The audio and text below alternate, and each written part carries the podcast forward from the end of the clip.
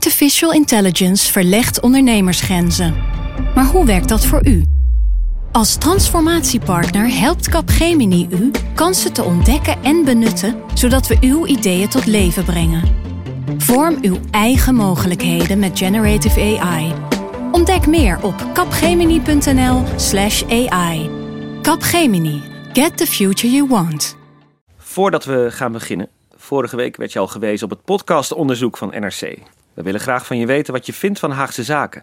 Mocht je het nog niet gedaan hebben, ga dan naar www.nrc slash podcastonderzoek. Duurt een paar minuten en je maakt ons heel erg blij.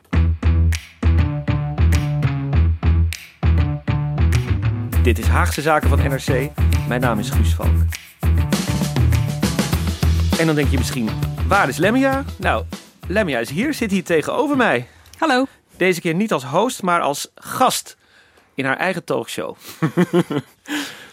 hey, um, daar komen we zo op uh, waarom dat is. Yes. Um, uh, maar het is een uh, bijzondere aflevering van Haagse Zaken, want het is niet eerder voorgekomen dat jij in een andere stoel zit bij deze podcast, maar nu is het toch echt zo. Naast jou zit Mark Lievese Adriaanse, ook uh, politiek redacteur van NRC. En we hebben jullie samen hier te gast, omdat jullie samen bezig geweest zijn met een mooi project waar jullie uh, over gaan uh, vertellen. Dat project heeft te maken met een stuk dat 20 jaar geleden in NRC Handelsblad stond. op de opiniepagina's. Het stuk was 4118 woorden. Kom er nog maar eens om. en daar stond onder meer het volgende in. Waarom wordt er niet in veel dwingender termen gesproken over het achterblijven van hele generaties allochtonen en over de vorming van een etnische onderklasse? Zo energiek als de sociale kwestie van weleer te lijf is gegaan, zo aarzelend wordt nu omgegaan met het multiculturele drama dat zich onder onze ogen voltrekt. Ja, um, het is twintig jaar geleden dat Paul Scheffer in NRC zijn uh, beroemde, beruchte, hangt vanaf hoe je er naar kijkt, essay Het multiculturele drama publiceerde. En Mark en Lemia jullie dachten, het vierde lustrum, daar moeten we wat mee. Precies, en we vroegen ons vooral af, heeft dat drama zich voltrokken? Uh, is het ook echt gebeurd? Um, uh, dit project ontstond een beetje uit uh, gesprekken die we vaak hadden met columnist Lotfi Al-Hamidi erbij. over de multiculturele samenleving. Over wat we zelf zagen, wat we zelf meemaakten, wat we terugzagen in de Kamer, in het politieke debat. En dat essay kwam daarin ook vaak terug. Dus nu het 20 jaar oud is, vonden we het wel tijd om de balans op te maken.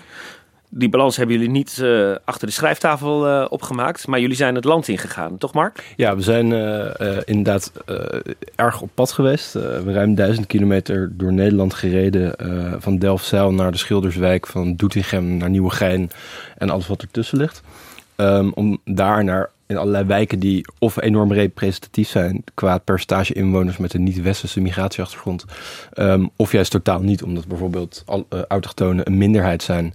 Um, of er bijna geen mensen met een migratieachtergrond wonen. Om daar met mensen in gesprek te gaan over um, integratie, over uh, de multiculturele samenleving om hen heen. Over um, of zij vinden dat groepen goed integreren of juist niet. Wat zij merken überhaupt van de multiculturele samenleving. Daarnaast hebben we gesproken met onderzoekers van het CBS en het SCP. Dat zijn, uh, die, die doen al heel lang onderzoek naar percepties van mensen over multiculturele samenleving en integratie. Maar ook naar ja, de, de werkelijke vooruitgang of achteruitgang van mensen in Nederland. En het CBS doet dat dus heel erg cijfermatig, hè, het Centraal Bureau voor de Statistiek. En bij het SCP kijken ze dus ook veel meer naar achterliggende gedachten, naar gevoelens. Um, dus we dachten 1 plus 1 is 2 en uh, we doen zelf ook nog wat, uh, wat veldonderzoek. Ja, deze Haagse zaken hoor je alles over het essay van Paul Scheffer, het multiculturele drama. Maar vooral ook over nu. Wat is er eigenlijk uh, gebeurd met dat essay? Wat is er uitgekomen van het voorspelde multiculturele drama?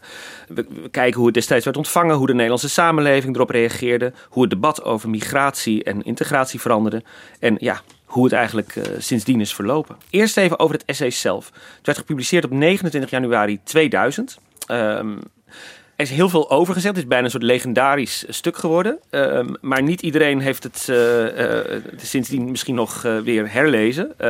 wat stond er nou precies in?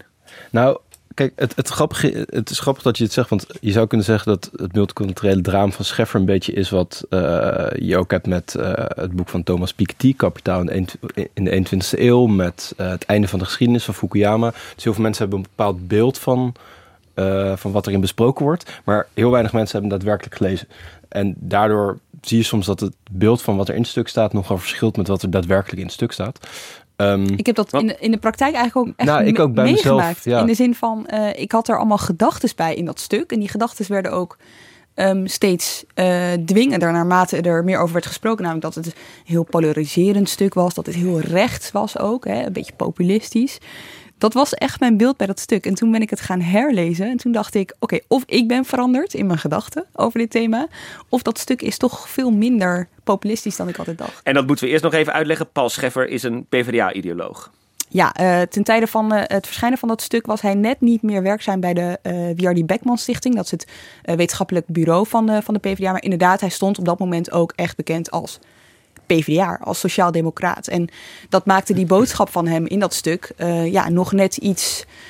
ehm, voor sommige mensen nog net iets chockerender. Of, of die vonden het niet kunnen. Overigens is het wel goed om uit te leggen wat er in dat stuk eh, Nou ja, stond. Mijn volgende vraag inderdaad. Ja, ik denk, het- als je het nu leest, dan lees je eigenlijk een heel sociaal-democratisch stuk. Want hij waarschuwt voor het ontstaan van een etnische onderklasse.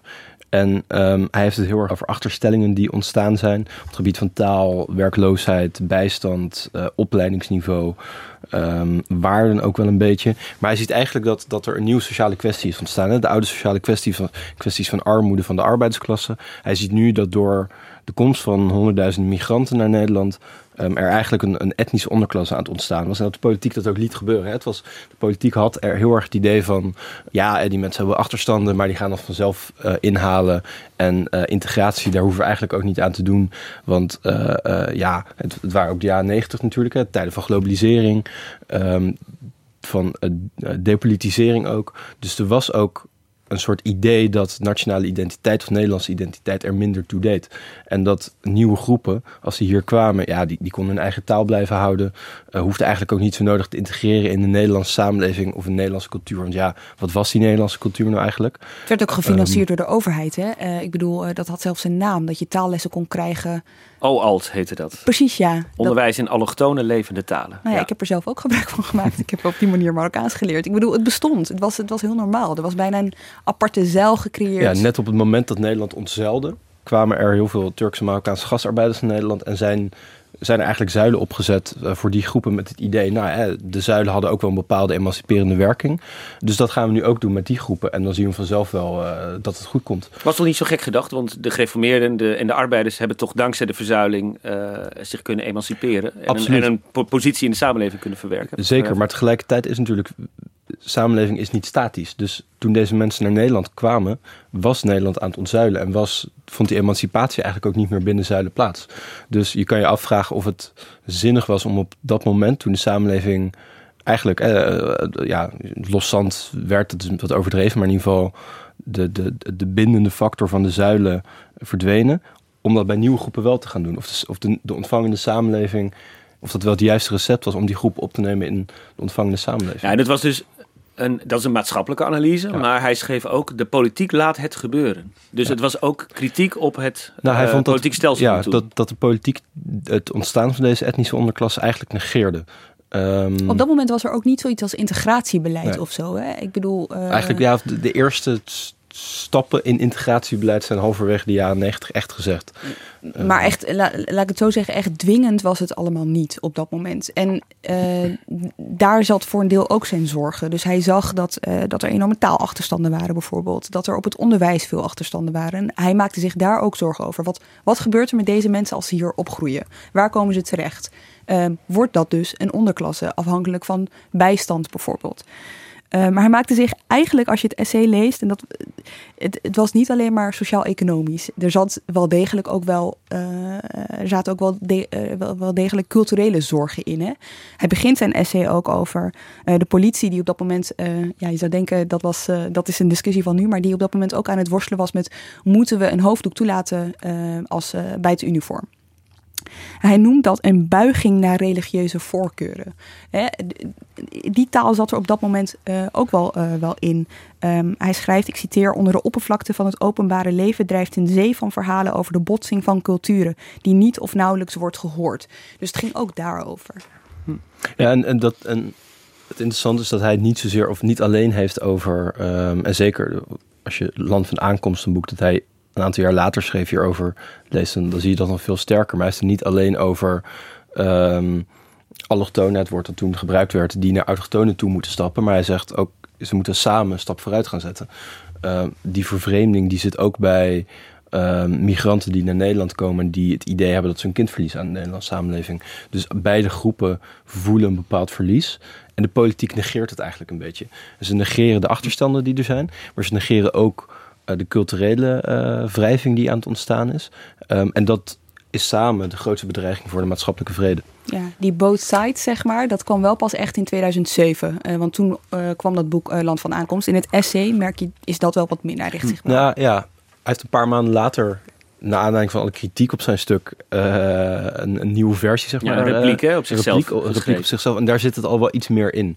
Dat hij meer oog heeft gekregen voor ook de, de, de, de, de, de strijd, zeg maar, die uh, mensen in die etnische onderklasse voeren. Nou, nog even terug naar de, de ontvangst van het essay. Hè. Jullie, jullie lieten net een beetje merken van, van als je het herleest, is het ook weer niet zo revolutionair groot, uh, uh, out of the box. In het licht van we, nu niet. Nee. Als we nu zouden zien. Maar destijds waren er ongelooflijk veel reacties. Hè? Mark Kranenburg, die ook op onze redactie werkt. Um, en destijds chef van de uh, opinieredactie was. En dit stuk in de krant heeft gezet, zal ik maar zeggen. Die kreeg ongelooflijk veel lezersbrieven. Ja, dat, dat ging echt dagen, weken door. Um, um, en dat waren niet alleen maar brieven van uh, mensen die, uh, die het fantastisch vonden. Het waren ook uh, brieven van mensen die er juist een beetje door geschrokken waren. Ik heb er twee meegenomen uit die tijd. Het is op zich wel heel grappig. Je kan dus veel van die brieven nog steeds terugvinden op de ultra coole retro website van NRC uit die tijd. Um, ik citeer er even één. Het artikel van Scheffer is in al zijn betrokkenheid onevenwichtig, omdat het een algemeen probleem van onze samenleving, de achteruitgang van zijn collectieve ethos, benadert vanuit een deelaspect ervan, namelijk de problemen van de multiculturele samenleving. Zijn ongenuanceerde benadering van de islam toont aan dat ook zijn aandacht stiekem verschuift van het beleid naar de allochtoon. Dat was een van de brieven. Maar een andere brief is, ik citeer weer. Het artikel van Paul Scheffer is mij uit het hart gegrepen. Want ook ik ben, vanwege het gebrek aan evenwicht in de verhouding tussen immigratie en integratie, bezorgd over de toekomst van de cultuur in Nederland. Dat daarin een polarisatie zal optreden die diepere en bredere kloven trekt dan de verzuiling ooit gedaan heeft. Einde quote veel uh, reacties pro en contra. Um, wat destijds misschien de reacties heel erg uh, stuurde, was dat het een PvdA was die, die hier uh, steen in de vijver gooide. Hè? Uh, Mark, jij noemde het net klassiek sociaal-democratisch, het betoog van uh, Scheffer. Desondanks gold het destijds binnen, de, de, binnen links-Nederland als, als ja, ongehoord dat dit gezegd werd. Was, was niet deel van de, van de ophef, van de, van de reuring die het veroorzaakte, ook niet ingegeven door het feit dat het een linkse denker was? Ja, zeker. Ook omdat um, het is goed om te bedenken dat, het, dat ook in de jaren voordat Scheffer dit schreef, hier al wel over gediscussieerd werd, hier ook al wel over gepubliceerd werd. Maar dat het eigenlijk vooral op rechts gebeurde. Mensen als uh, Hendrik Jan Schoo, Paul Cliteur, Jacques van Doorn. Uh, die hadden het hier al wel over Pim Fortuyn natuurlijk in zijn column in Elsevier. Frits Bolkestein. Frits Bolkestein in de politiek. Dus dit debat werd op rechts wel een beetje gevoerd. En eigenlijk het, het, het smulde al een beetje. En toen kwam Paul Scheffer die links was en een deel van die argumenten overnam. Op cultureel vlak nam hij een deel van de argumenten over. En dat werd wel gezien van, ja, jeetje, iemand die links is en die PvdA is, die, die dit overneemt. Ook omdat de PvdA en GroenLinks, maar ook overigens veel rechtse partijen daarvoor... ja, toch heel lang hadden gepleit voor integratie met behoud voor eigen cultuur. Dus uh, alles wat hij beschreef over de politiek, daar was ook de PvdA voor verantwoordelijk. En daardoor kreeg het wat extra gewicht, omdat het een PvdA in deze gedepolitiseerde tijden van, van paars, waarin geen enkele polarisatie meer leek te zijn. Het, het ging fantastisch, iedereen was gelukkig. Die zijn is, het gaat helemaal niet fantastisch. Um, dat heeft extra, daardoor heeft het extra uh, gewicht gekregen. Maar als het stuk zo sociaal-democratisch is, waarom werd er binnen de sociaaldemocratie dan niet over gepraat? Mm, nou ja, ik, ik denk een reden daarvoor is dat. Kijk, sociaaldemocraten doorgaans, en zeker daarvoor, voor nou echt nog veel meer dan nu vooral over economische onderwerpen discussieerde. En je zag toen natuurlijk met, met Paars en met uh, ook de hele internationale beweging van de sociaaldemocratie, dat het nog wel ging over economische onderwerpen, maar dat er eigenlijk ook de strijd uitgehaald was. Dus er was meer eensgezindheid. En nu kwam er iemand die, die dat was ook het idee, de sociale strijd is afgelopen. Uh, iedereen is middenklasse geworden, we hebben geen onderklasse meer. En hier komt Paul Scheffer die waarschuwde voor het ontstaan van een nieuwe onderklasse. En, en daar ook ja, inderdaad deels een culturele analyse op lost, maar ook wel een economische zorg. Namelijk uh, mensen die, die het gewoon slecht hebben. Die hele slechte omstandigheden hebben, die daardoor niet mee kunnen, kunnen komen. Even tekenend voor de, voor de sfeer destijds. Hè. Was natuurlijk niet de eerste, zoals je net terecht opmerkte, die over de multiculturele samenleving uh, begon het gebeurde al, maar het waren met name rechtse denkers, opiniemakers en politici die erover begonnen. Uh, tekenend daarvoor is, is dit fragment uit februari 97 uit het VARA-programma Het Lagerhuis, waar uh, Pim Fortuyn, destijds columnist voor Elsevier, nog één politicus, en Marcel van Dam, destijds VARA-voorzitter, um, gingen discussiëren over islamisering en de multiculturele samenleving. Even om een beeld te krijgen. En wat mijn grote bezwaar is tegen uw boekje dat is dat u uh, mensen aanzet tot angst voor vreemdelingen, terwijl die angst volkomen ongegrond is. Ik vind het volkomen schandalig, omdat ik dat niet beweer. Nee, nee ik, roep, ik, ik roep ten weet eerste u wat op. schandalig is? Ja. Weet u wat schandalig ja. is? Dat u door talloze generalisaties in dat boekje ja. die minderheidsgroepen identificeert met allerlei opvattingen die misschien door uh, mensen binnen die minderheidsgroep, dat er wel een, een, een paar uh, van die mensen rondlopen. Maar dat etiket plakt u dan op die hele groep. U hebt het over fundamentalisme. Niet. Het eerste wat ik doe is nee, de hand kan... in eigen boezem steken. Ik zeg dat nou, wij ons bewust dan, moeten worden. u voor de rest van, van uw leven van moet u dat blijven doen. Kern. Ja, heftig debat destijds al. Um, Fortuyn had het al over de onderklasse. Dat, dat was al een. een uh, als, als, als fenomeen was het al gemunt. Daarin was Scheffer dus duidelijk niet de eerste. Hè? Uh, Bolkestein had het er ook al over bijvoorbeeld. Het, het, het, werd op rechts, werd het al zo gezien. Ja, Bolkestein die had in, in 1990, toen was er een, een jaarlijkse uitje van fractievoorzitters. Die gingen dan elk jaar naar een buitenland. En dat jaar gingen ze naar Moskou. En toen had hij gezegd, jongens, dit thema gaat ons beheersen de komende tij tijd. Nou, dat het duurde nog eventjes, maar daarna uh, bleken dat inderdaad profetische woorden.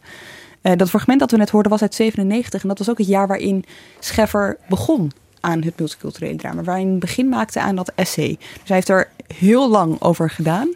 maar als je me naar vraagt, dan, dan noemt hij 97 als het jaar waarin het begon. Ja, ik denk dat Nederland wel in zekere zin klaar was voor een essay als dit. Dat uh, zoals ik zei, het smulde al wel een beetje. Bolkestein had het hier over. Iemand als Fortuyn. Uh, nou, in het Lagerhuis ging het erover. En als je ook de verhalen leest van Geert van Westerlo en Elmar Verheij in Vrij Nederland van eind jaren 70, dan zie je eigenlijk de verwezen Fortuynburger al. Mensen die het gevoel hebben dat, dat uh, die het gevoel hebben dat, dat hen iets wordt ontnomen. Um, en dat, dat nieuwkomers iets krijgen uh, dat zij iets krijgen waar zij eigenlijk recht op hebben. En dan wordt hen afgepakt en dat komt dan bij de nieuwkomers terecht. En die, die, die onvrede, die vervreemding, die smulde al wel een beetje. Um, je zou het ook kunnen zien in, in, in de, de, opkomst van de centrumdemocraten. Um, daar zat het ook al wel een beetje in. Dus het smulde al wel een beetje. En dan is er dit essay. Um, en hij was er eigenlijk op, het, ja, op een heel uh, juist moment voor toen ook, eh, het leek alsof er minder politiek debat was, minder politieke strijd. Nou, en dat gaat op een gegeven moment vervelen. Mm -hmm. um, en hij wierp een steen in de vijf, waardoor er weer rimpeling kwam, kwam waardoor er weer strijd kwam. Um, ik denk dat dat ook extra dynamiek heeft gegeven aan dit, aan dit essay. Daar, daar zit natuurlijk al iets in hè, van, van er, er, was op dat moment veel sprake van ja, een, een, gang naar het midden, zal ik maar zeggen. Hè. Het, uh, je noemde het Fukuyama even, maar het was wel helemaal de tijd van, van ja, politieke tegenstellingen bestaan die eigenlijk nog wel. En op, op dat moment was natuurlijk nadenken over multiculturalisme natuurlijk, uh, ja, werd eigenlijk niet gedaan hè, in de jaren negentig. Dus in die zin... Um, zou je kunnen zeggen, misschien was Nederland er klaar voor. Tegelijkertijd, misschien was ook de PvdA er wel klaar voor. Um, ik, ik had uh, via uh, de Wiardi Beckman Stichting een exemplaar gekregen van Socialisme en Democratie. Uit, uh, dat verscheen vier maanden nadat Scheffers een essay publiceerde. Um, en daar reageren allemaal PvdA'ers op hoe, ja, wat ze vinden van, van, van het essay van Scheffer. En het interessante is daarin, vind ik, uh, dat een heleboel mensen kritisch zijn en zeggen van nou, uh, dat is allemaal wel heel uh, hard en ongenuanceerd. En tegelijkertijd is er ook een zekere mate van begrip of zo voor, voor wat Scheffer schrijft. En er is eigenlijk maar een enkeling die het die de conclusies van Scheffer echt verwerpt. Van daar moeten we buiten blijven. En een heleboel zeggen ook van ja, dat ja, misschien moeten we ook wel hebben over uh, de Nederlandse cultuur en wat onze identiteit vormt. En uh, misschien moeten we het, uh, het, het, moeilijke gesprek over integratie nog eens voeren. Dat vond ik zelf heel interessant, omdat je wel ziet dat de PvdA ook in verandering was. Ja, ja absoluut. Maar ik, ik denk dat dat ook een reden um, waarom dit essay goed getimed was, was omdat je eigenlijk tien jaar lang einde van de geschiedenis en globalisering en de vanzelfsprekendheid ervan en de depolitisering ervan. En we zouden allemaal opgaan in een soort nieuwe wereld uh, waarin het beter zou worden en met minder politieke strijd. En we zouden wereldburger worden. Maar mensen bleken toch behoefte te houden aan een nationale identiteit of in ieder geval iets, een bepaald gevoel van saamhorigheid. Uh, iets, een bindend geheel waardoor mensen, uh, ja, wat mensen, deel, wat mensen delen. Um, en zij za een deel van de samenleving zag uh, immigratie daar als bedreiging voor. Dus het werd ook een, een, logisch moment om een discussie te starten over ja, wat betekent Nederlandse identiteit in tijden van globalisering, van minder grenzen, van vrij verkeer van mensen, mhm. kapitaal. Kijk, ik was, ik was uh, tien toen het, uh, toen het verscheen, dus ik kan me er niet heel veel meer van herinneren. Maar nu is het een factor van enorme betekenis. En dat is dat komt vooral door de dynamiek op de, de jaren daarna. Hè. Eerst had je 9-11 in 2001. Toen uh, de moord op Pim Fortuyn. Daarna de moord op Van Gogh. Uh, en steeds weer werd dat stuk erbij gehaald van Scheffer. Hè. Dat, dat, was dan het bewijs dat Scheffer al die tijd gelijk was. Het drama had zich voltrokken. Sterker nog, het voltrok zich op dat moment voor iedereen's ogen. Ik vraag me soms af... Hadden we het net zo vaak gehad over dat stuk... als, als al die gebeurtenissen er niet waren geweest? Had het dan meer op zichzelf gestaan? Precies. Ja, ja dat is een goede vraag. Zou je, zou je kunnen zeggen dat de loop van de geschiedenis dan Scheffers gelijk bevestigde? Dat, dat, dat gaat misschien ook ver, maar misschien dat het wel, net zoals Fukuyama met zijn einde van de geschiedenis, dat het een soort, um, een soort metawaarde krijgt of zo. Ja, ik, denk, ik, ik, denk dat het dat inderdaad is, omdat als je daadwerkelijk gaat kijken naar een aantal. Uh, hij heeft nergens heeft hij het uh, over islamitische terreur die in Europa zou komen of met 9-11. Hij heeft het ook helemaal niet zozeer over de, opkomst van rechtspopulisten of van nationaal populisten. Uh, dus de voorspellende waarde ervan is niet zo heel sterk, denk ik. Maar het hele gevoel dat er omheen ontstaat dat er wrijving gaat komen van multiculturalisme, ja, dat werd de jaren daarna inderdaad wel bevestigd. Dat zegt hij overigens vandaag zelf ook hè, in het essay. Dat is verschenen waarin hij zelf ook terugkijkt naar uh, uh, de afgelopen twintig jaar. Hij zegt daarin dat hij uh, de rol van de islam enorm heeft onderschat zelf op dat moment. hij had niet aanzien komen dat het, dat het met zoveel geweld, dat er zoveel geweld zou, bij zou komen. Dat is nog wel een interessante gedachte die hij nu erbij heeft. Ja, ik, ik, denk, ik denk dat het klopt hoor. Dat, dat zijn stuk inderdaad door alles wat er daarna kwam uh, veel meer waarde heeft gekregen of een, een bepaalde status heeft gekregen ook in het debat. Tegelijkertijd, uh, het is wel zo dat, dat ook daarvoor, zeg maar, de, de bijna twee of de ruim anderhalf jaar tussen 9-11 en het verschijnen van dit stuk, al heel veel debat ontstond door zijn stuk. er heeft in de Volkskrant uh, een half jaar na het verschijnen een inventarisatie gestaan. Waarin drie, uh, er werden 53 opiniestukken in de grote dagbladen en tijdschriften uh, geturfd. Die een reactie waren op dit multiculturele drama. overigens vrijwel allemaal witte mannen van boven de 40 ziet de auteur. En maar zes uh, allochtone stemmen, zoals hij het noemt. En dat dan, zijn ook nog eens allemaal allochtone kopstukken. Uh, woorden die we nu niet zou gaan, zouden gebruiken meer. Dat is ook interessant, het woord allochtoon. Dat zijn maar verdwenen. Helemaal verdwenen. Uh, maar Mark, tegelijkertijd heb je naast jou uit de jaren tachtig ja. ook de Volkskrant, uh, de opiniepagina's. En toen beheerst het ook wekenlang de opiniepagina's. Ja, dat is een, een, een, een, stuk van de onlangs overleden professor Dr. Kouwenberg. Die het had over, onder de titel Discussie over minderhedenvraagstuk moet worden ontdaan van demagogie. En uh, hij heeft het heel erg over, hè, mensen moeten gewoon, uh, er is geen gelijkwaardigheid tussen Nederlanders en vreemdelingen op dit moment. Um, er moet integratie plaats gaan vinden, mensen moeten ook de taal kunnen gaan leren. Want, en het wordt allemaal in termen van je nu denkt, nou ja, oké, ja, het zal wel, niet heel spannend. Um, wordt dat besproken. Maar dan vervolgens ont, ontstaat er een enorme discussie in de weken daarop. 82, uh, hè? 1982 onder titels als Idee, Kouwenberg, Kool op de molen van de Centrumpartij. Uh, Nederland is niet langer tolerant, maar racistisch. Um, en ik moet het even schetsen, maar je hebt hier echt een, een stapel aan krantenpagina's voor ja, je liggen. Dit zijn uh, allemaal reacties Met allemaal opiniestukken, allemaal reacties op dat stuk van Kouwenberg. Precies. Uh, in wetenschappelijke term nationale cultuur uh, betoogt een Henry Dors, scheldt verborgen racisme. Dus het hebben over nationale cultuur is racistisch aan zich. Uh, nou, dat, dat, zijn het is 1982. Ik bedoel, als je dit leest, het is... Woke. Ja. Ehm, nou, en dan betoogt iemand etnische groepen leveren bijdrage aan culturele veelvormigheid. Kouwenberg is een wetenschapper op het verkeerde pad. Dan moeten er gelijke kansen komen voor minderheden. Uh, ja, dan komt eindelijk een paar weken later iemand die zegt... aanpassing van buitenlanders is een heel normale eis. Maar goed, eh, dus zo'n Ja. discussie had Nederland eigenlijk al wel gehad. Ehm, alleen, Dat kennen we al, ja. in zekere zin kennen Maar het- al, als ik het zo 20 jaar lees, later- was er nog wel een soort consensus over, zeg maar, de, de, de, de parameters waarbinnen dat eh, debat gevoerd mocht worden. Dit zijn wel de opiniepagina's van de Volkskrant, hè? Dus ik weet Nee, niet maar ik heb het even over eh, progressief Nederland. Ja, Overigens, je had het net even over hè, reacties op dat stuk. Scheffer zelf eh, eh, overkwam het ook maar een beetje, lijkt het wel. Want eh, ook hij had niet gerekend op zoveel reacties, zei hij later. En als je iets aan de orde wil stellen, dan moet je niet beginnen met enerzijds en anderzijds de hele tijd. En dan moet je ook wel gewoon iets zo zeggen dat het ehm, indruk maakt en blijft hangen. Nou had ik eerlijk gezegd totaal niet al die reacties verwacht hoor, tien jaar geleden. Maar het is wel zo dat ik eh, daarna in die tien jaar, dat kan ik eerlijk zeggen, geloof ik echt werkelijk geen dag meer voorbij is gegaan dat ik niet aan dat stuk ben herinnerd of erop aan mij gesproken.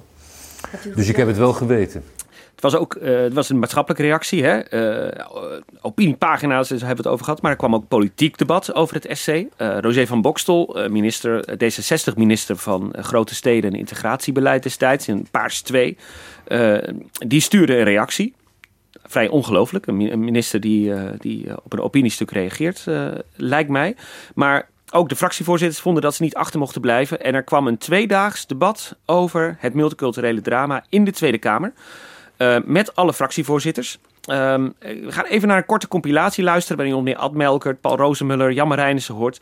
Destijds fractievoorzitters in de Tweede Kamer. U zult echt uit een ander vaatje moeten tappen. Zo gaat het niet. Anders dan ontstaat er een probleem van geloofwaardigheid van de aanpak. Niet qua intentie, daar heb ik echt geen twijfel over, maar qua effect. Dit is een aanpak eh, die ik zou willen kwalificeren als het doelbeleid. Wat mij omgaat is de crux van het hele probleem zit hem niet zozeer in de beschikbaarheid van die mensen, maar zit hem in de bereidheid van ondernemers om die mensen aan te nemen. En dan vraag ik u, vindt u het in politieke zin acceptabel als er voor deze groep mensen wachtlijsten zijn, als wij voortdurend als overheid het signaal uitzenden, taal, taal en nog eens taal. Daar kunt u toch gewoon ook in politieke zin een nee op laten horen? Interessant eh, is denk ik ook de positie van de VVD destijds. Ehm, de partijleider, opvolger van Frits Bolkestein was Hans Dijkstal. Eh, ook hij was erg kritisch over het essay van Scheffer. Eh, dat hoor je hem hier onder meer uitleggen in het tv-programma Buitenhof. een paar dagen nadat dat essay was verschenen. In de eerste plaats, hij had het over de multiculturele samenleving. Nou, ik heb in al die jaren gehoord dat het een bedreiging was. En anderen vonden het een verrijking. En nou vindt de een het een drama en de ander een ideaal. Dat helpt allemaal niks. Het, suggereert in de eerste plaats alsof je bewust zegt... laten we eens een multiculturele samenleving maken. Nou, zo gaat dat niet. Het zijn allemaal ontwikkelingen die zich in de afgelopen jaren... internationaal en nationaal hebben afgespeeld. Dus het heeft helemaal geen zin daar etiketten op te, op te plakken. Bovendien is het grote gevaar dat als we het over dat grote begrip hebben... dat we vergeten te praten over de echte problemen. Dat is interessant, hè? Dijkstal, eh, VVD-leider. Ehm, een partij waarbinnen het debat over eh, de multiculturele samenleving natuurlijk hevig woedde. Ehm, maar bevond zich, eh, als het op dit onderwerp eh, ging, in ieder geval duidelijk aan de linkerflank eh, van zijn partij. Die toen nog echt wel groot en invloedrijk was. Hè? Stond, stond dat voor een groot deel binnen de V- weet je, was dat geluid, werd dat meer gehoord binnen de VVD? Ja, er was toen. ik, ik, ik begon ooit op de Haagse redactie te werken onder Paars 2. eh, de nadagen van Paars 2. Ehm, en toen bestond de VVD nog, had, had nog echt een links-liberale vleugel. Ehm, eh, ze kwamen onder meer ook bijvoorbeeld heel erg op voor artikel 23, de vrijheid van onderwijs, die ook aangevallen werd omdat islamitische scholen eh, daardoor opkwamen. Ehm, de VVD was toen nog veel meer dan nu een, gespleten partij op cultureel eh, gebied in ieder geval. Dus denk dat je Dijkstal eh, een beetje in, dat, eh, eh, in, de, in die context moet plaatsen. Maar die ging de verkiezingen hierna ten onder, zou je kunnen zeggen. Hè? Dus Samen dat met Melkert als, als dat gezicht van. Paars. Ja, precies, ja. En Tom de Graaf in mindere mate. Dat klopt, ja. Maar ook was het gezicht, denk ik, van het negeren of het niet willen benoemen. Hij zegt letterlijk, hè, we moeten het niet over de multiculturele samenleving hebben. Maar over die problemen, maar niet over de multiculturele samenleving. Ik denk ook wel als het gezicht van het, het, willen, of het moedwillig negeren van eh, die wrijving, denk ik. Ja, en ik denk, Scheffer heeft het in zijn essay over pacificatiedemocratie. Ik denk dat, dat ehm, toen ik dat woord las, moest ik aan Dijkstal denken. Ik dacht, dat is het bij, bij uitstek zo iemand die, uh, die daar ook destijds ook echt in geloofde. Van, we, we zijn voorbij uh, die tegenstellingen. Laten we het hebben over achterstanden. Of laten we het hebben over uh, concrete problemen. Wachtlijsten in de zorg of zo. maar laten we het niet over, ehm, over, ik zal maar zeggen, cultuur of identiteitskwesties ja. hebben. Ja. Nou, ja, ik denk dat het precies dit soort, zeg maar ja, toch cultuurrelativisme was waar vervolgens Fortuyn succes door had. Mm -hmm. um, en waar Scheffer trouwens ook wel over had in zijn stuk. Nu moet ik nog even kijken, want dat hebben jullie natuurlijk ook onderzocht. Jullie zijn door het land gereisd, jullie hebben met, met mensen gepraat. Um, wat, wat, is uw uh, multiculturele um, uh, drama dan wel ideaal? Jullie zijn ook in de cijfers gedoken, hè? Ja. Scheffer voorspelde uh, nou ja, vrij rampzalige doembeelden eigenlijk. Um, interessant is natuurlijk na twintig jaar, wat is daarvan terechtgekomen? Is, is, is, is de, heeft dat drama zich voltrokken? En, en, zo ja, op welke manier dan? Was het op de manier zoals Scheffer dat voorspelde? Kunnen jullie daar iets meer over vertellen? Kijk, het is maar hoe je naar cijfers kijkt. Je kan uh, sociaal-economische cijfers erbij pakken... en je kan dus cijfers van het SCP erbij pakken... die veel meer kijken naar gevoelens van verbondenheid. Als je die cijfers van het CBS erbij pakt, dan zie je dat in die afgelopen twintig jaar heel veel van die achterstanden zijn weggewerkt. Um, mensen met een niet-westerse achtergrond die, uh, uh, die uh, de basisschool niet afmaken, dat aantal is gehalveerd. het aantal mensen dat een academische master heeft afgerond is verdubbeld. Een op de drie Turks, Turks Nederlanders of Marokkaanse Nederlanders met, die, die gaat naar het VWO. Dat was eerst één op de vijf. En um, eerst bedoel je het rond 2000? Precies, ja. zes op de tien mensen met een Marokkaanse of Turkse achtergrond die hebben een baan. Uh, ten opzichte van de helft in uh, het jaar 2003. Dus je ziet daar wel vooruitgang. Het is goed dat dit vrijwel allemaal nog wel achterstanden zijn ten opzichte van autochtonen. Uh, ik geloof dat bij autochtonen ongeveer de helft van de kinderen naar HAVO-VWO gaat. Dat is dus bij kinderen met Turks-Marokkaanse achtergrond 1 op de 3. Dus het zijn nog steeds waar je ziet dat achterstanden ingehaald worden. Maar het zijn vaak nog wel achterstanden ten opzichte van autochtonen. Ja, maar ook dit is dus ook wel qua arbeidsmarktparticipatie. binnen één generatie, kun je, kun je zeggen. Dat zijn de cijfers. En, uh, maar je, je maakte net terecht onderscheid tussen cijfers en gevoel, uh, beleving, uh, sentiment. Ja, die kan je ook wel in cijfers vatten. Hè? Dus het, ook de SCP, het SCP gaat ook over, of de, zij, zij kwantificeren de gevoelens van Nederlanders eigenlijk. Terwijl het CBS echt kijkt naar de feitelijke status van hoe Nederlanders het doen. en dan zie je inderdaad, dan komt eigenlijk de, de ontnuchtering, namelijk dat qua samenleven het niet beter is geworden de afgelopen twintig jaar. Dus het idee dat als mensen uh, sociaal-economisch zich emanciperen, dat er dan ook een soort, uh, dat sociaal-culturele uh, integratie of emancipatie daaruit volgt, dat blijkt eigenlijk niet het geval. Je ziet juist dat als het gaat om het aantal vriendschappen, sociale acceptatie, gewenste sociale afstand, um, nou, een hele rits aan. gevoelens van verbondenheid met land van herkomst. Precies, gevoelens van verbondenheid met land van herkomst, gemengde huwelijken. Um, dat het eigenlijk op hetzelfde niveau of zelfs iets lager ligt dan twintig jaar geleden. Ondanks of dankzij die emancipatie. De discussie die er twintig jaar lang is geweest over de multiculturele samenleving. Dus als je vraagt, is een multiculturele samenleving, uh, of is Nederland een multicultureel land? Ontegenzeggelijk. Nederland is uh, veel diverser dan twintig jaar geleden was. Toen ging het vooral over Turken, Marokkanen, Antillianen, Surinamers. Nu heb je een enorme veelheid aan groepen daaronder gekregen. Uh, Irakezen, uh, Afghanen, Syriërs, Somaliërs, et cetera, Polen, Bulgaren. Um, dus Nederland is een multicultureel land. Maar is het ook een samenleving, dan zie je daar eigenlijk een soort stagnatie. Dus heel veel vertwijfeling, vervreemding bij mensen.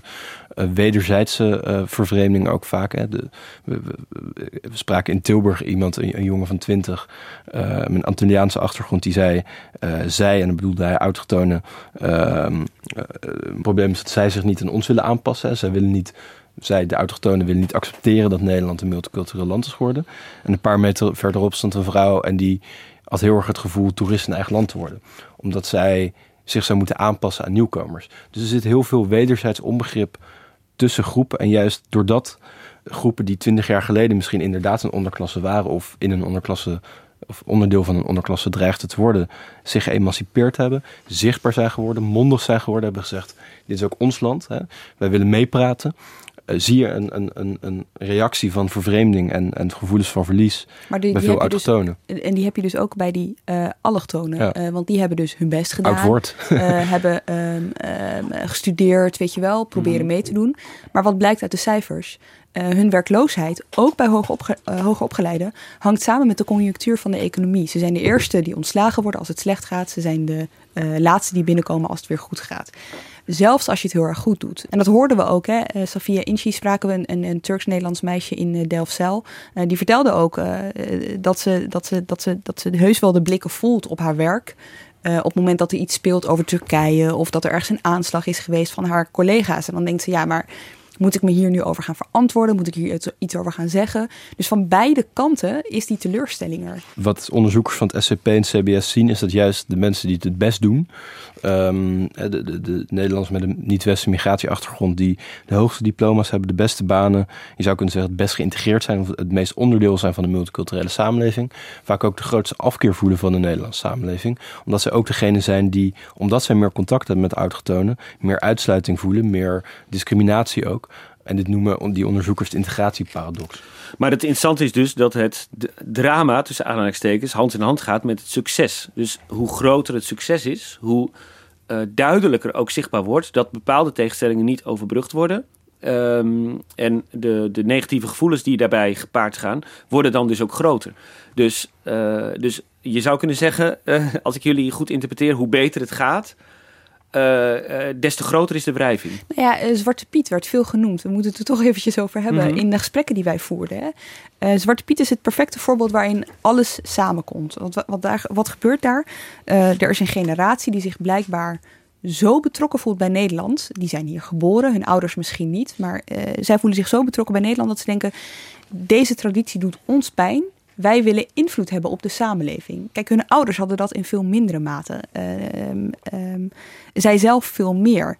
Maar dat gaat dan ten koste van een traditie die, nou ja, we kunnen inmiddels wel stellen, bijna heilig was voor uh, groepen autochtone Nederlanders. En daar wringt het, daar komt dat samen. Dus en als ik dan nog even door mag gaan over de, de autochtone Nederlander, tussen aanhalingstekens. Uh, ik, ik weet uit, toevallig dan uit uh, uh, literatuur rondom de Amerikaanse presidentsverkiezing van 2016... dat als als het met jouw groep ongeveer hetzelfde gaat, of misschien ietsje beter, maar een andere groep met wie het minder goed gaat, stijgt relatief sneller op de sociale ladder of de economische ladder. Uh, dan, dan doet dat eigenlijk de, de, je positieve gevoel over je eigen vooruitgang teniet. Dus, dus hoe beter het met een andere groep gaat, hoe uh, meer je uh, frustratie ondervindt. Omdat je het gevoel hebt, hé, hey, zij krijgen iets wat ik niet krijg. En dat is echt heel erg interessant. Hè? Het SCP doet onderzoek naar gevoelens van onbehagen, regelmatig. Naar hoe kijken burgers. Bezorgde naar... burgers en zo. Precies, ja. Um, veel autochtone Nederlanders, ja, het is heel zwart-wit, maar goed, daar, dit hele thema is best wel uh, zwart-wit. Veel autochtone Nederlanders die maken zich zorgen, die denken: met, met mij gaat het nog wel goed, maar met mijn kinderen en met hun kinderen gaat het straks slechter. En dat is zo interessant, want bij migrantenkinderen, die hebben veel positievere gevoelens over hun kinderen, namelijk die gaan het. Kijk, wij hebben nog een, een strijd moeten leveren. Hè? Wij, onze ouders die wisten helemaal niks en we moesten het zelf een beetje uitzoeken. Uh, maar wij zijn gevestigd, vooral die, die allochtone middenklasse. Onze kinderen gaan het nog makkelijker krijgen en hun kinderen zullen het nog makkelijker krijgen. Dat zijn letterlijk twee pijlen in tegenovergestelde uh, uh, richtingen qua gevoelens, um, qua, qua gevoelens over de toekomst ja, dat is natuurlijk fascinerend. Ja, ja. ja het gaat inderdaad, het, het, is de perceptie van relatief statusverlies. Hè? Dus je gaat niet in absolute zin achteruit, maar omdat je ziet dat andere groepen die eerder uh, onder jou zaten opklimmen en zich langzaam naar jouw positie bewegen, heb je toch het gevoel van een relatieve achteruitgang. En, en die, dat statusverlies, ik denk dat dat inderdaad een verklaring is voor, voor onvrede, voor um, stem op, nou, in, Amerika Trump, in Nederland uh, de, de rits nationaal populisten die we hebben gehad. Maar het zit ook wel in, in vervreemding hoor. En in niet, niet alleen statusverlies, maar ook in gevoelens hebben, inderdaad met Zwarte Piet, dat, um, dat je iets afgenomen wordt. Dat de Nederlandse cultuur verandert en dat er ook een soort eh, ja, je zou kunnen zeggen, de jaren negentig was er heel veel cultuurrelativisme. Daarna is er wat cultuuressentialisme ontstaan. Dus dat er een soort absolute Nederlandse cultuur is als, als, als, als bakermat. En de veranderingen die uh, migranten daarop uitoefenen, die zijn negatief. Want we moeten uiteindelijk die essential, essentialistische Nederlandse cultuur veranderen. Uh, in plaats van dat het uh, cultuur dynamisch is en um, ook ja, altijd verandert. En de Nederlandse cultuur is ook veranderd. Het Nederland is veranderd. Het land dat, dat, dat in 2015 Syriërs opnam, is een heel ander land dan het land waar 50 jaar eerder Turkse en Marokkaanse gastarbeiders kwamen. Dus het, is ook logisch dat cultuur verandert. Maar juist als het gepaard gaat met migratie, zie je dat mensen daar uh, aan weerszijden, niet alleen autochtonen, maar juist ook veel Nederlands met een migratieachtergrond, wrijving en vervreemding doorvoeren. Het interessante is aan, uh, we, we, we, we, hebben het soms, gebruiken woorden soms en dan merk je hoe uh, woorden opkomen en weer verdwijnen. Wat net over allochtoon bijvoorbeeld, zo'n zo woord. Maar ook het begrip multiculturele drama, hè, dat is natuurlijk gemunt door, door Scheffer. Het is daarna eindeloos vaak gebruikt. Ik heb uh, gerefereerd aan het multiculturele drama waar Paul Scheffer over sprak. Het multicultureel drama, ooit bedacht door Paul Scheffer. Kijk, dat multiculturele drama, daar is iedereen van doordrongen. Dat... Multiculturele drama. Wat is, wat is een multicultureel drama? Dat multiculturele drama van u. Je kan er op twee manieren naar kijken. Hè? Ik bedoel, is het het multiculturele drama, als in wat zich aan het voltrekken was, namelijk het ontstaan van een onderklasse? Maar voor sommigen lijkt het soms alsof drama's überhaupt slaat op de multiculturele samenleving in de jaren daarna. Dat is natuurlijk ook een, het is een dubbelzinnige titel geworden. Ja, ja het is een, uh, het, sommigen gebruiken het als omschrijving van een, en anderen als een doembeeld. Precies. Even nog terug hè, naar dat uh, cultuuressentialisme waar je het over had. Dat hoe heeft dat vervolgens politiek vorm gekregen? Want je kan bijna niet, um, uh, denk ik, de, de, de, de, de, de golf die Scheffer teweegbracht ook loszien van wat er vervolgens politiek gebeurt. Hè? Uh, aanvankelijk hebben we de, de aanslagen van 11 september 2001 gehad. En een half jaar later de moord op Pim Fortuyn. NOS Journaal.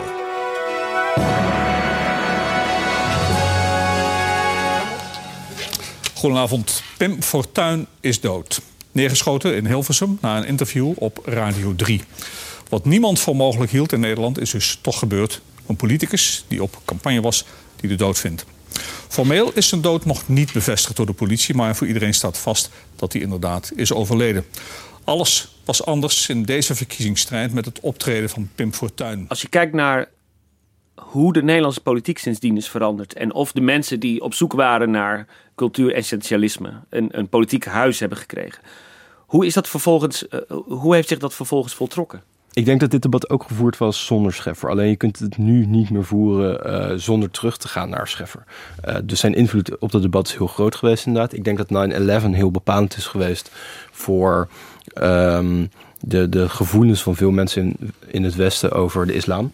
En de perceptie van de islam als gevaar, volgens ook de aanslagen Madrid, Londen, heeft daar een rol in gespeeld, denk ik. Um, en vervolgens, ja, wat je, de moorden in Nederland op Theo van Gogh, Pim Fortuyn, op mensen die zich uitspraken of die kritisch waren op de multiculturele samenleving. En wat je eigenlijk de afgelopen twintig jaar hebt gezien, is dat die groep kiezers, dat het ongeveer vrij consequent een kwart van de kiezers is, binnen het systeem is gekomen. Je zou kunnen zeggen, daarvoor was dat nog niet zo. Er was geen partij die echt puur die groep kiezers aansprak. Nou, toen eerst hadden de LPF, toen de PVV, en nu PVV en, uh, en Forum, die daar heel erg op zitten. Dus die groepen zijn binnen het systeem gehaald. Um, en het debat is wel veranderd. Er is veel meer nagedacht over, oké, er is blijkbaar dus toch een soort nationale cultuur. Wat is dat dan? Wat vinden we dat die cultuur moet zijn? En hoeveel concessies of veranderingen accepteren we uh, onder invloed van migratie en van migranten? Nou, dat is een. Ik denk niet dat dat een discussie is die een eindpunt kan hebben. Um, dus ja, een permanente discussie, ook omdat de afgelopen twintig jaar nog heel veel groepen bij zijn gekomen. Uh, het wordt interessant bijvoorbeeld wat de invloed gaat zijn van, uh, van Poolse migranten in Nederland, waarvan je ziet dat die uh, zich in Nederland vestigen. Um, dus dat, dat die discussie wordt gevoerd. En ik denk dat er ook wel. het wordt vaak gezegd dat het is Groundhog Day al twintig jaar dezelfde argumenten. Voor een deel klopt dat. Maar je ziet wel dat er uh, stappen vooruit worden gezet in de zin van bepaling wat wij accepteren. Hmm. En wat we van, van nieuwkomers accepteren. De taaleis is een heel, re is een heel uh, recent fenomeen. Um, we eisen nu van nieuwkomers dat ze, dat ze de Nederlandse taal leren. Dat klinkt nu heel vanzelfsprekend. En de mensen die wij overal spraken, die zeiden ook... het is heel vanzelfsprekend. Uh, een, een, een, een Marokkaans-Nederlandse vrouw die zei: Ja, als je de taal niet leert, dan uh, uh, loop je 150 jaar achter. De participatieverklaring van Lodewijk Asscher is er een voorbeeld van. Dat die toch, nieuwkomers moeten tekenen. Hè, die nieuwkomers moesten tekenen. Ja. Dus toch het idee van: oké, okay, er is een soort van basis aan normen, waarden en cultuur. Um, die wij als heel Nederlands eis achten en die wij ook uh, als, als, als on onderhandelbaar zien. Um, ja, tegelijkertijd zijn dat heel praktische dingen. Ja, maar het gaat ook om praktijk, toch? Nee, dat blijkt dus juist. Want wat, ik bedoel, die cijfers die we net noemden over vooruitgang uh, in onderwijs, vooruitgang uh, op de arbeidsmarkt. Daaruit blijkt toch juist dat dat, dat, dat praktische, dat dat het niet is. Dat het juist veel meer ligt aan het culturele. Dat, dat, dat, dat, dat het daar botst. Ja, maar dit zit in cultuur, toch? Je kan, je kan pas mondig worden als je de taal spreekt. En je kan pas tradities veranderen als je uh, zeer bewust bent van uh, wat dan bepaalde tradities zouden zijn. Dus ik denk dat juist, het zijn hele minimale eisen. Een soort, of het is een minimale vormgeving aan wat wij de basis van wat de politiek de basis van Nederland is gaan vinden. Uh, en dat is heel normatief. Het is inderdaad praktisch. en je kan je afvragen of een participa participatieverklaring niet ook heel hol is in zekere zin. Maar zo'n taaleis is wel een definiëring van, um, van, van ja, de basis om in Nederland of bij Nederland te horen. En het is, ik bedoel, dus er komt natuurlijk veel meer bij kijken. En alles mm -hmm. daarboven is veel dynamischer. Maar de politiek heeft toch ja, besloten dat de taal zeg maar het minimale is. Het, uh, het ideaal van de multiculturele samenleving, dat is natuurlijk in retrospect wordt dat vaak wat gechargeerd. Hè? Alsof, alsof dat een, een, een streven op zich was. Maar dat, dat was het voor sommige politici misschien wel. Sinds 2000 is het natuurlijk heel gretig en heel vaak uh, ten graven gedragen. Hè? Um, uh, in 2011 nog was het vicepremier Maxime Verhagen... die de multiculturele samenleving als mislukt bestempelde. Um, premier Rutte heeft er ook niet zo heel erg veel mee op. De multiculturele samenleving, een woord wat ik haat. Echt haat. Het woord wat ervan uitgaat laat iedereen maar een beetje zijn gang gaan. Hetzelfde kun je zeggen van onze huidige minister van Buitenlandse Zaken, hè, Stef Blok. In 2004 was hij nog als Kamerlid voorzitter van een commissie die de integratie in Nederland onderzocht. En uh, als ja, grotendeels geslaagd uh, uh, toen oordeelde. Um, hij zei een jaar geleden, in, nee, dat was de zomer van 2018, dat de multiculturele samenleving niet werkt. Noem mij een voorbeeld van een uh, multi-etnische of multiculturele samenleving waar de oorspronkelijke bevolking nog woont. Dus dan vallen Australië en Verenigde Staten af, want daar is de oorspronkelijke bevolking uitgeroeid. Multi-etnische, multiculturele samenleving waar de oorspronkelijke bevolking nog loopt en waar een vreedzaam samenlevingsverband is. Ik ken hem niet, loopt vrij snel tegen de grenzen aan wat een samenleving kan hebben. Zulke, zulke ter, hij moet, dit moet ik even voor de, wel goed, voor de goede orde zeggen. Hij zei dit niet uh, in de Tweede Kamer of zo. Hij zei dit achter gesloten deuren. Het werd opgenomen en uh, naar de pers gelekt. Uh, zei dit voor een gezelschap van mensen, vertegenwoordigers van NGO's. Maar überhaupt dat, dat dit soort woorden werden gebruikt. Had dat, was dat in 2000 überhaupt denkbaar? Misschien achter gesloten deuren ook, symbolisch genoeg gezien. Natuurlijk leefde het. Ik denk mm -hmm. dat er genoeg, juist bij politici, genoeg mensen waren die het heus wel zagen. Alleen was het nog, ja, ik bedoel, Bolkestein zei het niet voor niets al in 1990. Alleen was het toen nog wat um, politiek incorrect om, uh, om zoiets te zeggen. Dus het, het leefde wel, maar het werd niet gezegd. Ja, dat, dat zou je kunnen zeggen. En de linkse partijen dan, want die zijn natuurlijk uiteindelijk wel uh, misschien nog wel het meest van allemaal opgeschoven de afgelopen twintig jaar. Wat mij verbaast bij, bij, bij linkse partijen is uh, dat ze, ondanks dat het dus al zo oud is, dit thema, het ze niet lukt om het te agenderen. Om er zelf de regie op te nemen, om dat woord maar te gebruiken. Dus wat ze de afgelopen twintig jaar vaak en eigenlijk nu nog steeds wel een beetje aan het doen zijn, is uh, reageren op wat rechts doet. Hè? Uh, zich daar inderdaad op aanpassen, maar niet zelf, niet zelf leidend zijn op het thema. Dat lukt op de een of andere manier niet. Of ze willen het niet, dat kan natuurlijk ook niet. Kijk jou ook aan, uh, Mark, jij volgt de PvdA. Ja, PvdA heeft natuurlijk een hele lange worsteling met... met um, er is een soort beeld van de PvdA alsof zij het er nooit over willen hebben... en alsof zij ook altijd een soort linkse wegkijkers en het probleem van de multiculturele samenleving niet wilden zien. Nou, Wouter Bos was iemand die dat absoluut wel deed. Die vond het juist onbegrijpelijk. Volgens mij een aantal weken geleden hebben we, een aantal maanden geleden hebben wij ook in deze samenstelling in een podcast naar een fragment geluisterd van Wouter Bos, die totaal ja, verbaasd is dat de Franse Sociaaldemocraten het niet willen hebben over de problemen in de banlieues. Dat is dan 2005 was weer een hele sessie over politieke strategie. Iemand die dus 20 minuten over Frankrijk praat zonder het te hebben over die rellen daar. Ja, ja, ja, ja. En die zegt, ja, we moeten iets doen met middelklasse en lagere klasse. En het feit dat die twee dus steeds, in steeds grotere mate van kleur gaan verschillen, werd niet eens genoemd. Ongelooflijk. Hij heeft dat geprobeerd, Lodewijk Asscher heeft een... Uh, uh, essay geschreven over, uh, over integratie en over de multiculturele samenleving. Zou ik wel eens willen lezen. Het dat essay dat nooit is verschenen. Als je luistert, we zouden het nog heel graag een keer willen, willen, willen lezen. Hij luistert, dat um, weet ik dus. Uh. maar dat heeft hij geschreven dat is vervolgens weer la ingegaan. Omdat er toch ook binnen die partij wel stemmen waren. Ja, moeten we het daar nog wel over hebben. Ehm, en dat komt denk ik ook, en dat zie je bij, bij de SP, is eigenlijk een partij die daar ook enorm mee worstelt.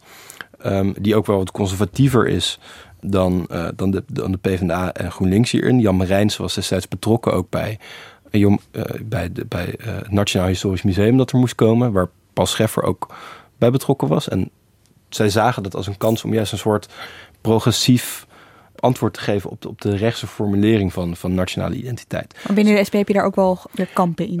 jawel, het kader van de SP is, is, is- heeft er veel minder mee. Dat zie je ook in de kritiek binnen de SP op, op eh, discussie over migratie en de grenzen aan migratie.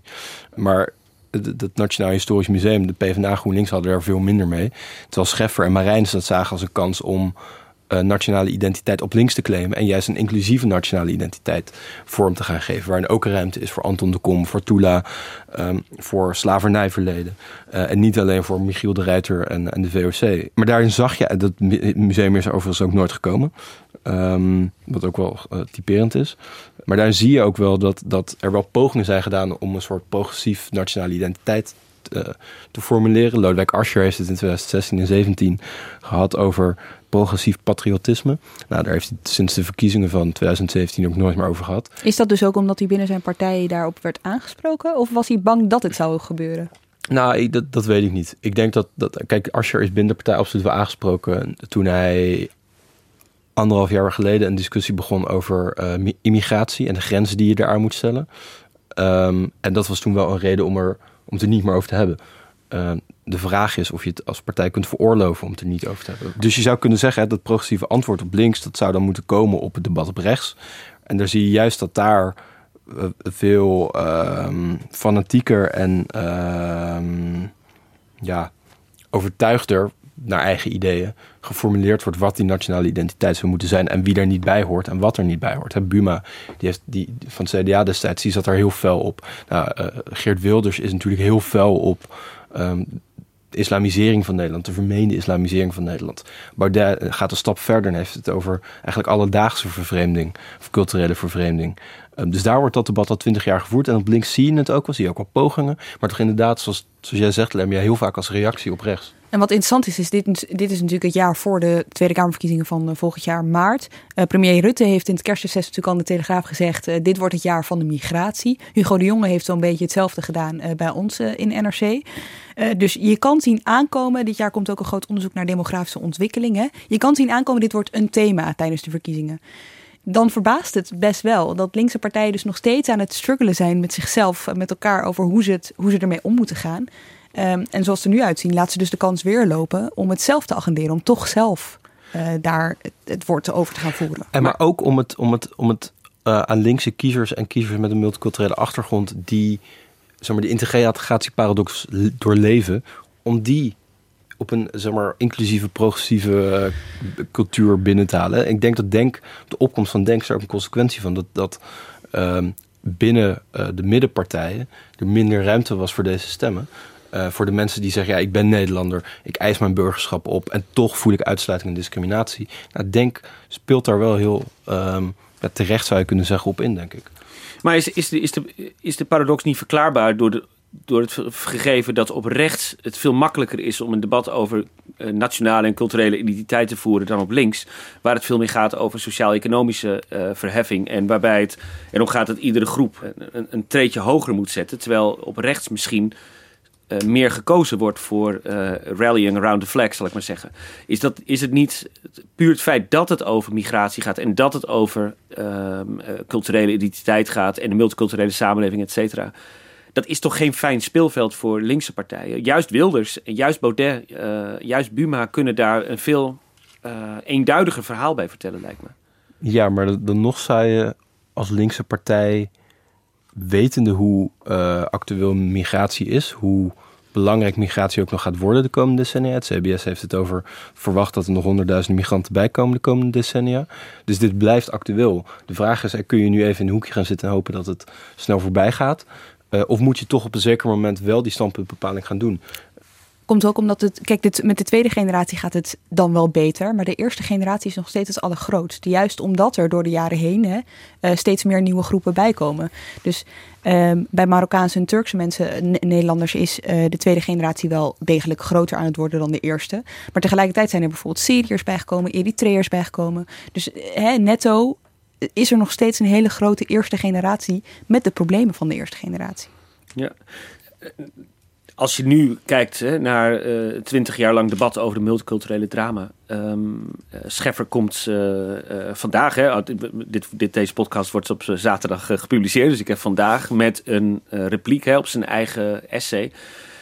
Dat debat is natuurlijk nog lang niet klaar. Hè? Jij, jij noemde al de, de, de, de verkiezingscampagne van 2021. Um, hoe gaat dit een verkiezingsthema worden, denk je?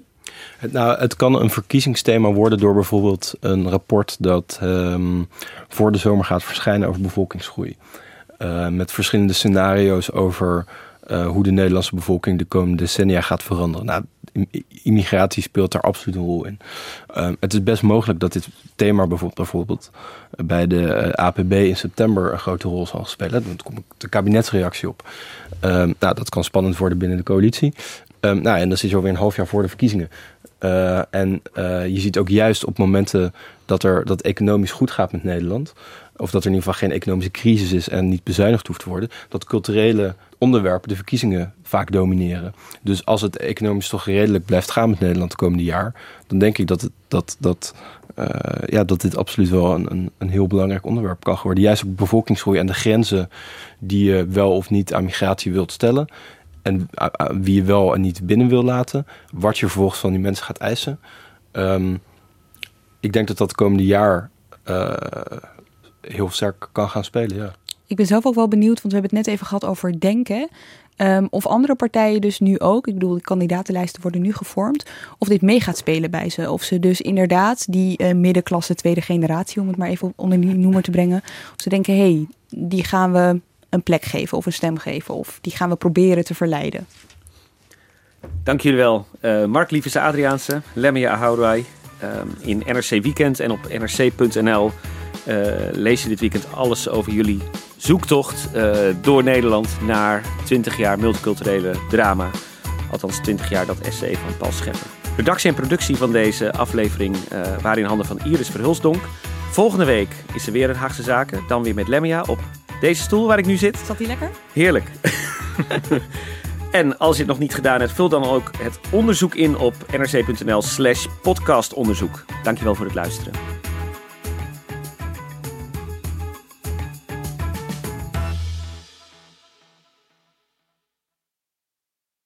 Ik ben al jaren ondernemer, maar waar moet ik eigenlijk allemaal aan denken nu ik voor het eerst personeel wil aannemen, voor het eerst ga importeren of voor het eerst een bedrijfslocatie zoek?